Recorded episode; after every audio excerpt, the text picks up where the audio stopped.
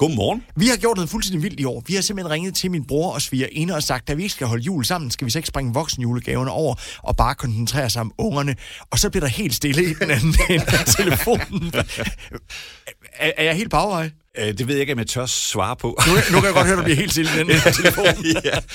ja, men det der med julegaver og, og, og penge, det er jo sådan en tilbagevendende ting, og jeg tror, at lige i de her år, der, der er der måske endnu flere af os, der er ramt end, end normalt. Og jeg vil godt lige starte med at sige, inden jeg nu begynder at give gode råd, jeg taler altså ikke øh, til folk, som ingen penge har, og er i nogle forfærdelige situationer, hvor det er nærmest umuligt, fordi så er det slet ikke så nemt, som jeg får det til at lyde nu.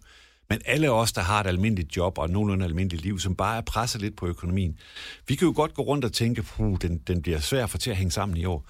Og der vil jeg i hvert fald godt sige, at det, man skal huske på, øh, uden det sådan skal lyde alt for højt ravne, det er, at julen handler altså om meget mere end gaver. Og der er lavet rigtig mange studier, der viser, at noget af det mest dyrebare, vi kan give til hinanden, det er vores tid. For den kommer ikke tilbage. Og jeg kan godt selv høre, at det bliver lidt højtidligt nu, men, men når, når man mister et familiemedlem, så tænker man ikke på de gaver, man fik af hende. Man savner hende. Ikke? Og det, det er jo sådan noget, man skal huske, at når man står og kigger ind i, at, at der måske bliver lidt færre gaver under juletræet, så skal man ikke få det dårligt over det, fordi måske er det i virkeligheden anledningen til, at man lige kigger rundt og får taget en snak med sin familie og sine børn om, om vi kan finde en anden måde at gøre det på. Altså... Men for nogen der er det altså svært, fordi min mor på 75, hun er som en på 12, når det gælder julegaver. Selvfølgelig skal vi have gaver, og selvfølgelig skal vi give gaver. Ja. Og, og nogle gange bliver det det her, hvor vi, jeg synes bare, vi bytter indkøbssedler, og, og, og lidt bliver stillet i en situation, hvor vi skal ud og, og, og pege på noget, som vi kunne have købt til os selv på et andet tidspunkt, som vi ikke rigtig mangler nu. Ja, lige præcis. Og det er jo det, er jo det, det vi skal huske, og det er jo faktisk det, jeg vil til at sige, øh, og det er derfor, jeg er glad for, at du lige netop nævner det der med at gå ud og købe noget og lave indkøbslister. Gaver kan jo være rigtig meget mere end ting, man køber i en butik. Øh, hvis man for eksempel tager øh, vinduesvask, eller hjemmebagte boller, mm. eller alt muligt andet på den hylde, så kan jeg i hvert fald sagtens finde på nogle ting, jeg også ønsker mig, men som jeg måske ikke får skrevet på min ønskeseddel, fordi der kommer til at stå sokker eller slips. Så hvis man gerne vil gøre noget godt for folk omkring en, jamen så kan man jo give gode oplevelser. Man kan jo hjælpe, man kan give en hånd med.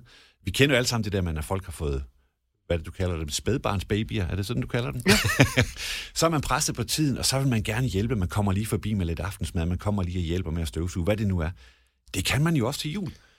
Jamen, øh, jeg stiller dig lige en udfordring. Du skal nu forklare din 11-årige nevø, at øh, du ikke har købt noget til ham til gengæld, så kommer du og vasker hans vinduer. Øh, øh, må jeg ændre en lille smule på den? uh, fordi jeg tror faktisk rigtig mange børn, øh, også, det er ikke sikkert, de ved det, men, men vi ved det, de har mere, end de har brug for. Og jeg tror, hvis jeg har en fætter, som springer faldskærm, eller spiller tennis, eller er virkelig god til noget andet, så det der med at give ham en søndag, hvor vi skal ud og prøve noget, som han ikke selv nogensinde havde forestillet sig, det vil han blive mindst lige så glad for, som at få det der dyre spil. Men uanset hvad man er til, når det sådan handler om gaver, så har det i hvert fald været en gave at, øh, at tale med dig i løbet af året, Niels. Skal vi ikke gøre det igen næste år? Jo, tak. Tusind tak. Og jeg vil gerne sige uh, tak, fordi jeg må være med, og rigtig god jul til alle jer, der lytter med.